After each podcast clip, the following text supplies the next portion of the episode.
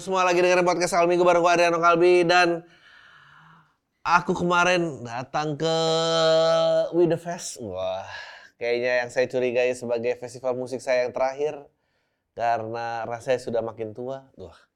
Tapi kemarin kan sempat ada kehebohan 1975 itu dan akhirnya dia juga jadi batal tampil di We The Fest hari ketiga.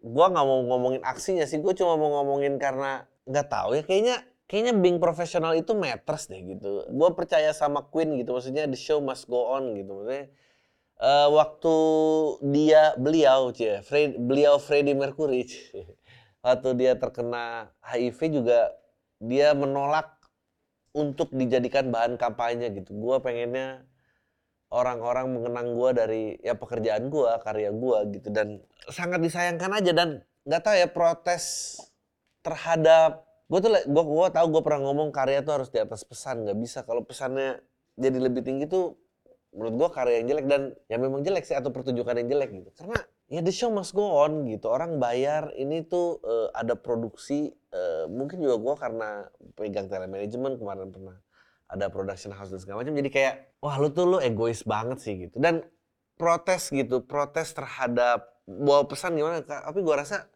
bahwa pesan tuh yang valid waktu itu paling keren eranya era-era hippie lah gitu. Maksudnya si John Lennon gitu itu menolak untuk perang lawan Vietnam. Maksudnya karena kalau enggak lo akan membunuh orang-orang yang salah gitu. Uh, si itu juga kayak gitu siapa namanya? Aduh, gue gue setiap mau ingat nama dia tuh gue lupa mulu.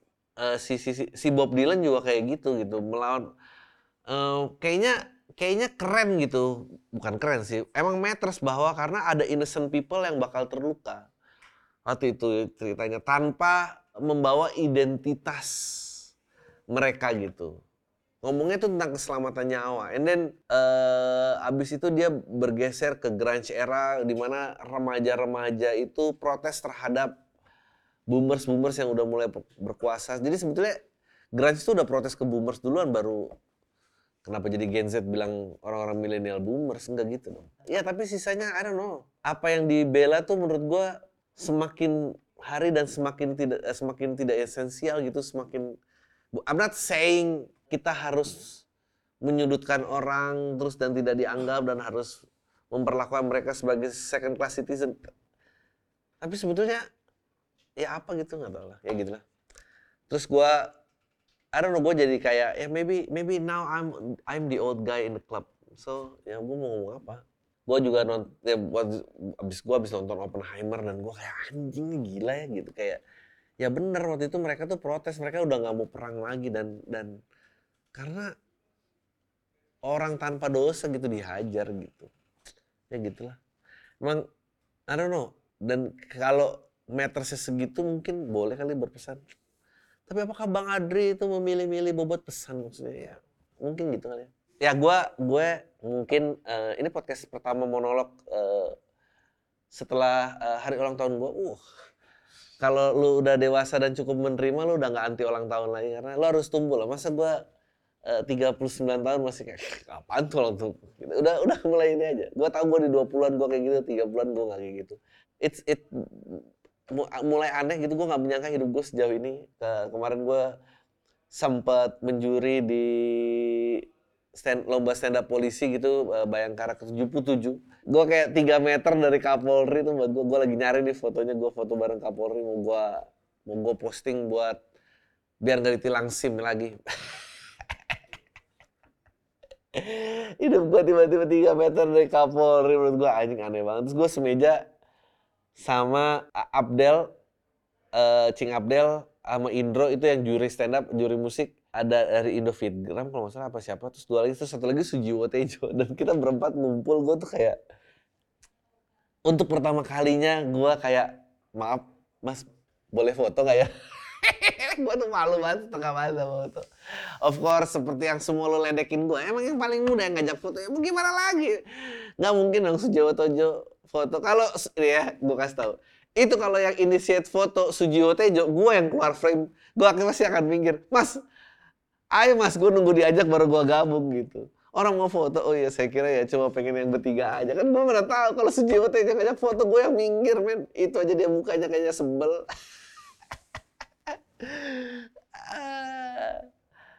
tapi gue nggak tahu ya gue si Indro bisikin gue tapi gue gue happy banget Indro tuh waktu itu gue pertama kali bikin special show di, dia datang datang dan beli tiket nggak minta nggak apa gue sampai hah?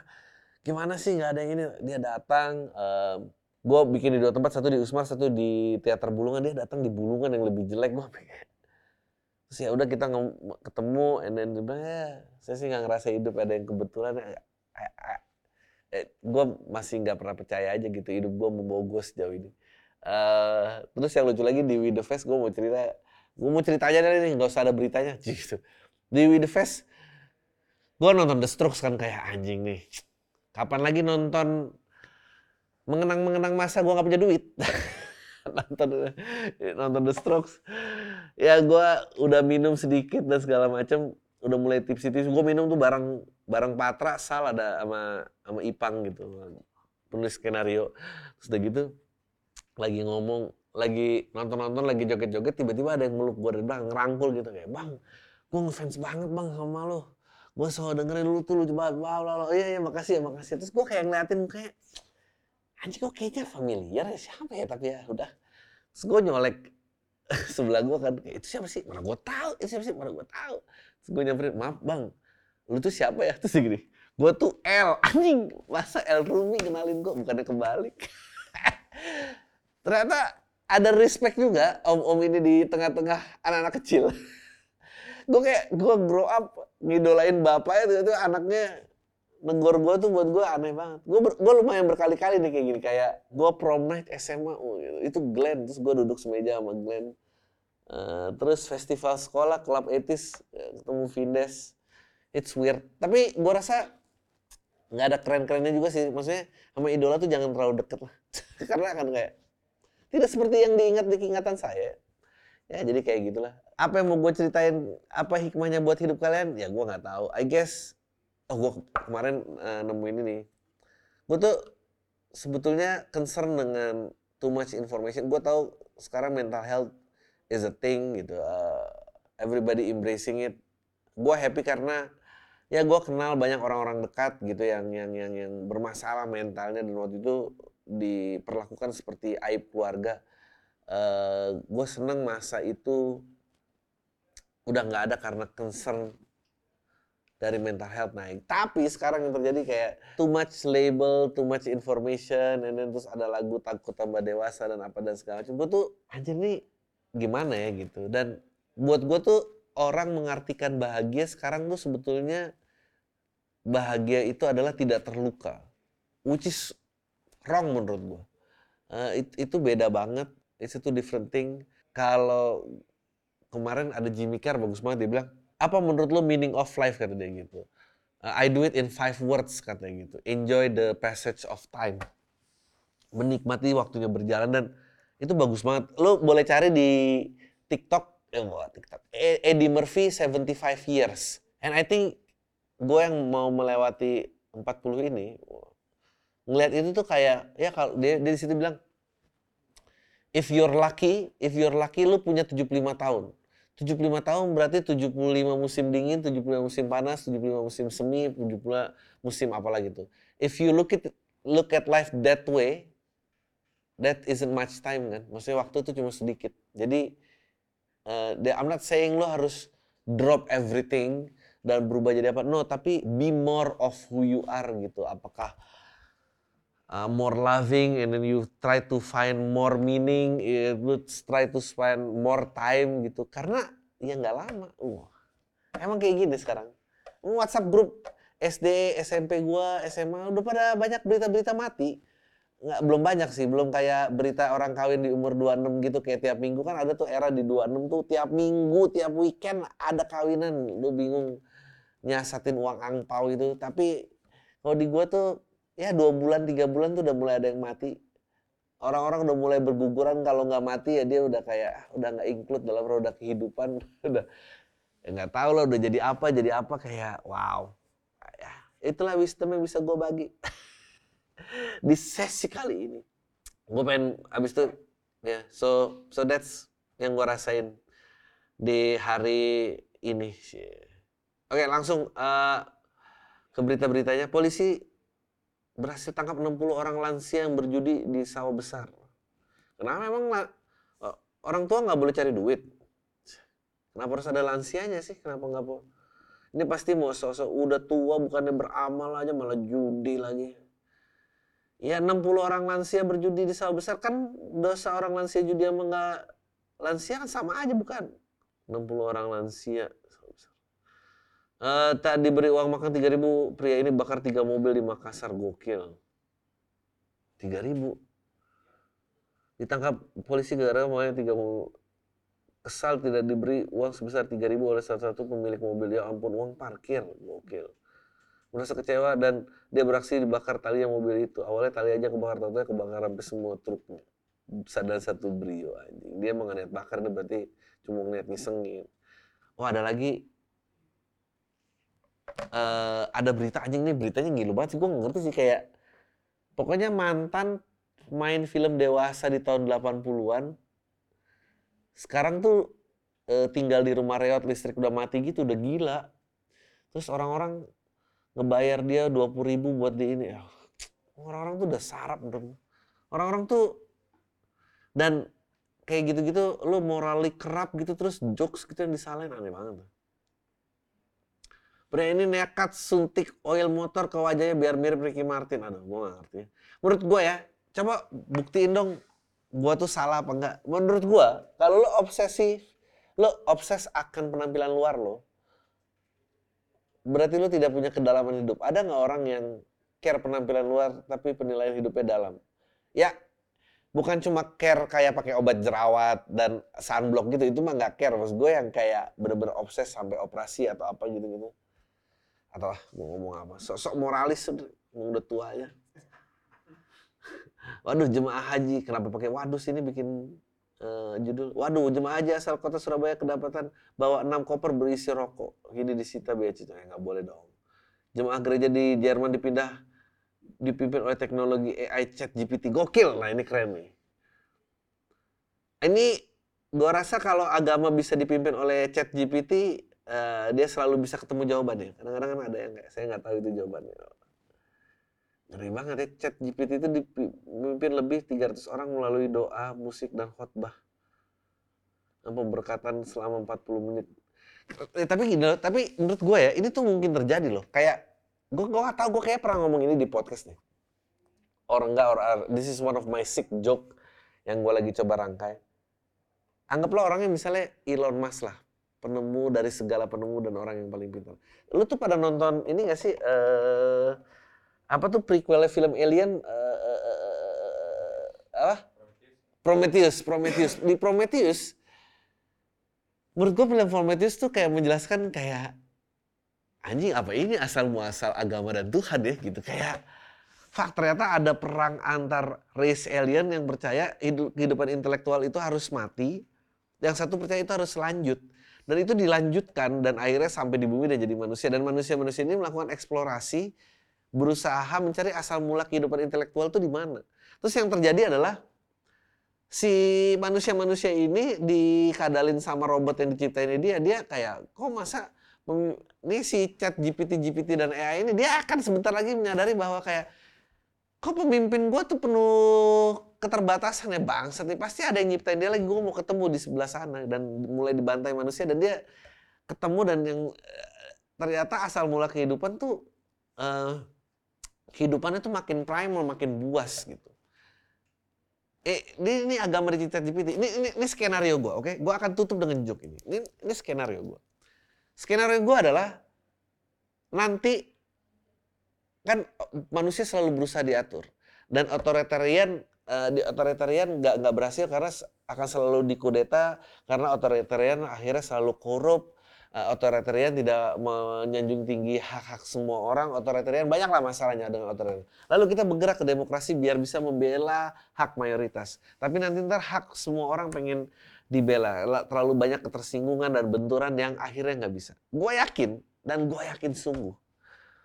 Elon Musk beli Twitter nih ya. Elon Musk beli Twitter, lalu dia akan menciptakan rules yang seadil-adilnya uh, dan tidak ada benturan lagi dan semua bebas berekspresi.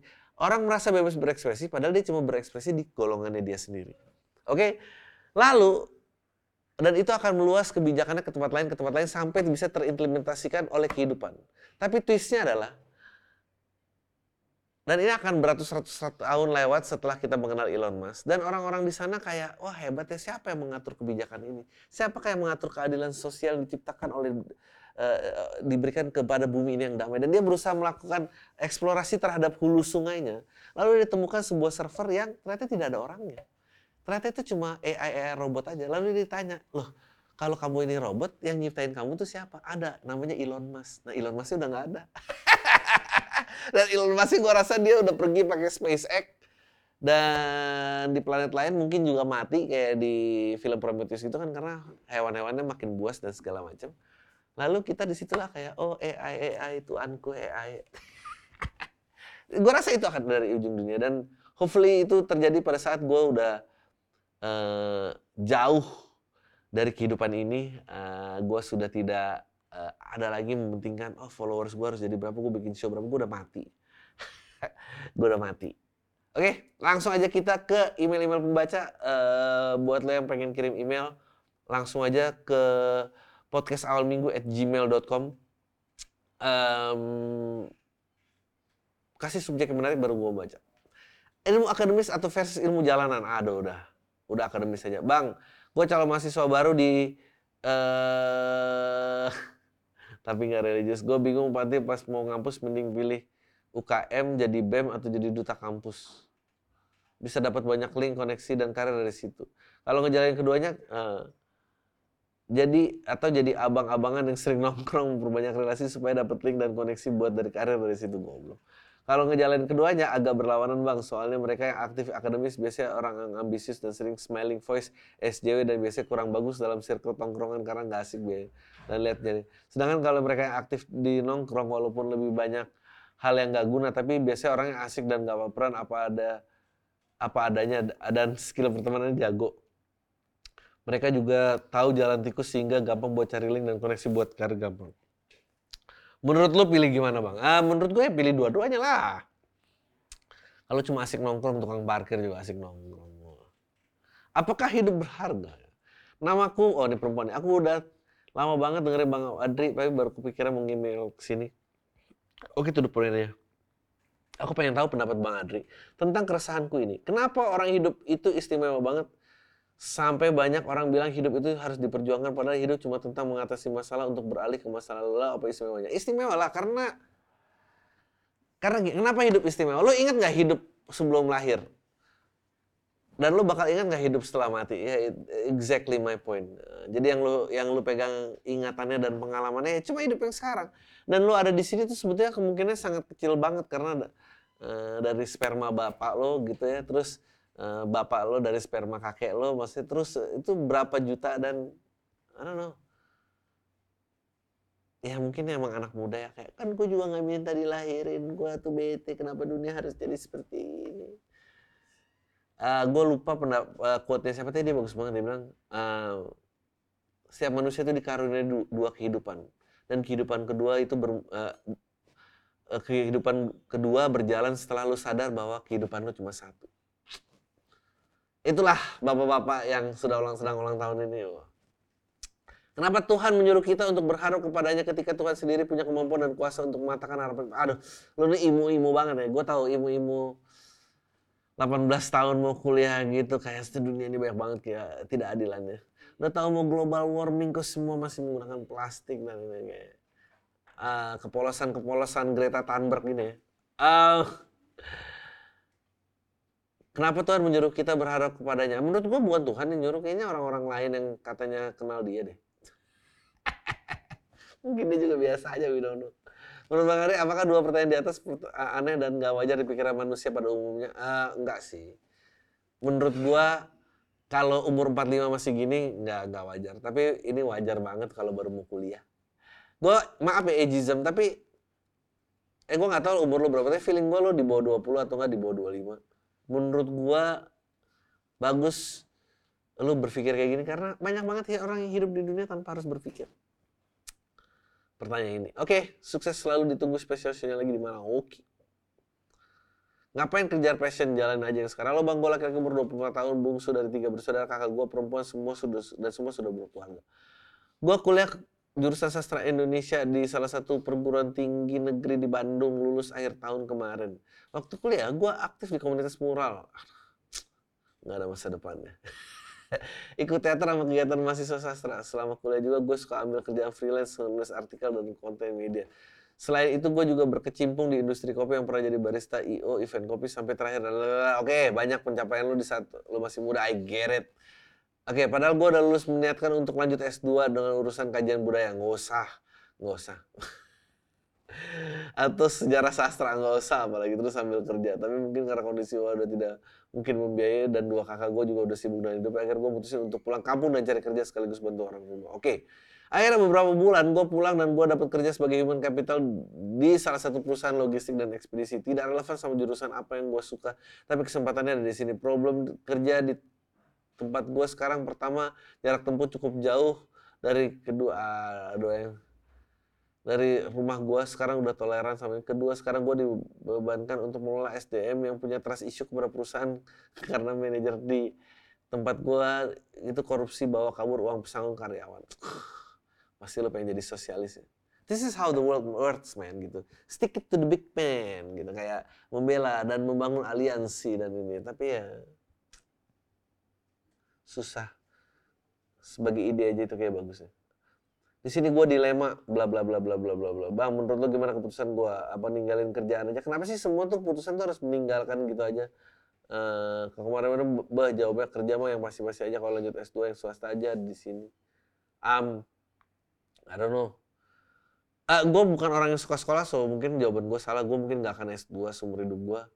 Uh, gue suka gue suka belajar sesuatu yang baru, tapi kayaknya gue kalau sekolah lagi gue gak mau deh. Uh, dan lo gue rasa lo kayaknya lagi marah sama dunia aja. Dan memang itu umur-umur marah ya, jadi kayak yang gak tau menurut gue kalau lo ninggalin kerjaan lo nggak wise lah.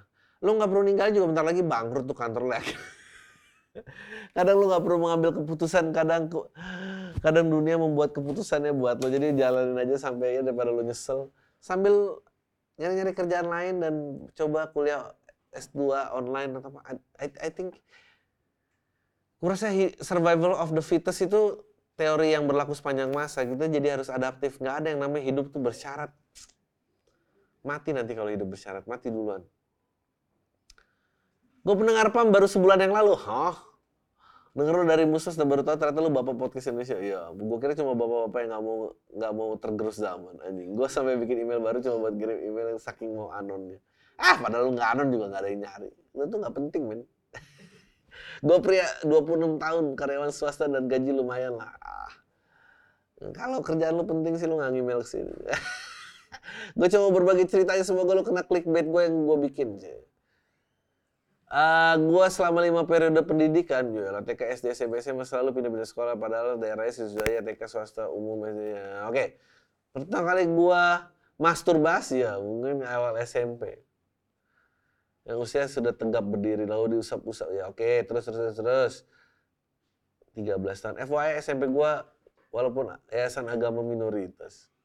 Pendidikannya agak bronx. Jadi pas gue pindah sekolah agak culture shock SD gue yang beneran ketat tapi dilengkapi dengan kaset berpendidikan.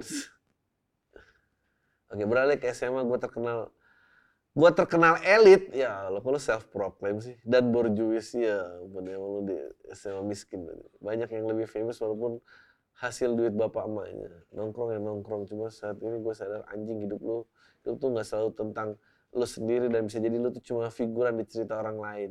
Ya kayak lu ngerasa kayak gini kan lo ngerasa jadi tokoh utama di cerita hidup lo oke. Kuliah gue gagal lah panjang banget gue gak baca lanjut SMA gue lulus. Lo ngapain sih baca ini semua? Oke ini kayaknya mulai menarik nih. Oke, lanjut. Akhirnya gue kurus kontrak kerja apa UMR happy tapi nggak ada tanggal buat tapi hasrat gue harus disalurkan mulai bosen. Oke, masturbasi kan ini dari tadi kan. Jadi dari SMP SMA. mulai dengan gaji di bawah UMR gue sisihkan buat ke tempat-tempat pijat nakal. Ya ampun dan di mana sekali gue anjing seenak itu ternyata. Sebagai catatan semua eksplorasi yang gue lakuin rata-rata sendiri. Sampai teman-teman kantor gue yang punya hobi sama tapi pas gue ajak hampir selalu gue tolak cie lu tuh orang yang di kantor yang kayak eh kita main sepeda enggak ah gue bagus padahal lo hobinya pijet. Gue tolak. Menyebut gue solo explore tahun lalu berasa duit cuma buat muasin hasrat lalalala lama-lama padam. Tapi anjing ini keren banget nih gue sempet padam buat pindah kerja yaitu tempat gue sekarang. Kembali lagi pakai jasa yang lebih premium tapi kembali lagi api-api semangat membara lama-lama padam. Dan akhirnya gue putuskan apa sama kayak laki kali ya? Tapi gue coba ciuman sama laki ya nggak juga nggak dapet gitu feelnya. Goblok. Goblok banget sih nih. Tahun lalu nyokap gue kenalin sama anak temennya cantik baik alim yang mana kontras banget sama gue FYI semua kegiatan busuk gue orang rumah nggak ada yang tahu. Ya iyalah kalau tahu lu udah dipecat jadi anak lu Eh, setelah dua kali kencan kok nyaman, pembicaraan juga nyambung-nyambung aja karena sama-sama maniak game, film, dan komik. Pada akhirnya gue memutuskan gue nembak dan jelas diterima momen-momen sama dia selalu menyenangkan walaupun jauh dari kata binal gue merasa terjangkar dalam ini. Ketika ciuman gue baru tahu kalau gue ternyata ciuman pertamanya di situ gue ngerasa bersalah tapi karena udah kepalang tangguh gue sih katanya ternyata respon positif. Oke. Okay. Kita sempat momen stop mau ke arah buka-bukaan itu dia stop jangan. Dia bilang jangan cukup segini aja dulu nggak tahu aja gue respect sama dia. Ya iyalah orang lo interaksinya cuma sama tukang pijet anjing. Masa lo mau ngetrit cewek lo kayak tukang anjing udah saatnya gue melabuhkan kapal gue aja. Ah! Ini orang-orang yang bakal hancur rumah tangga gue tahu. Ah! Gue ngomong ke orang tua yang mana target gue kepala tahun depan menghalalkan dia gue harus nabung dulu. Dan ternyata gue sama dia sama-sama seiman tapi nggak seamin gue niat ke, dep uh, ke depan mau menghalalkan dia karena gue harus nabung dulu. Ya iyalah duit lo habis buat pijet. Gue sebenarnya kagum sama kaum komuniser tapi server gue sebelahnya gue konsul ke Bonyo kalau gue pindah dapat restu nggak? Jawabannya tentu tidak. Keluarga saya konservatif. Bos segitu aja dari gue sebenarnya gue udah mulai bosen dengar saran apalagi bang dari orang tua. Saya buat orang tua coba ini maaf kalau agak kurang benar mohon maaf deh kalau Ya Allah. Nah, harus lagi syuting banget ya anjing. Coba coba coba coba coba Jabra. Mas Ram, Mas Ram, Mas Ram, Mas Ram. Ya Allah pakai pakai pakai aqua loh, pakai aqua loh. Mari mari mari mari mari. Dia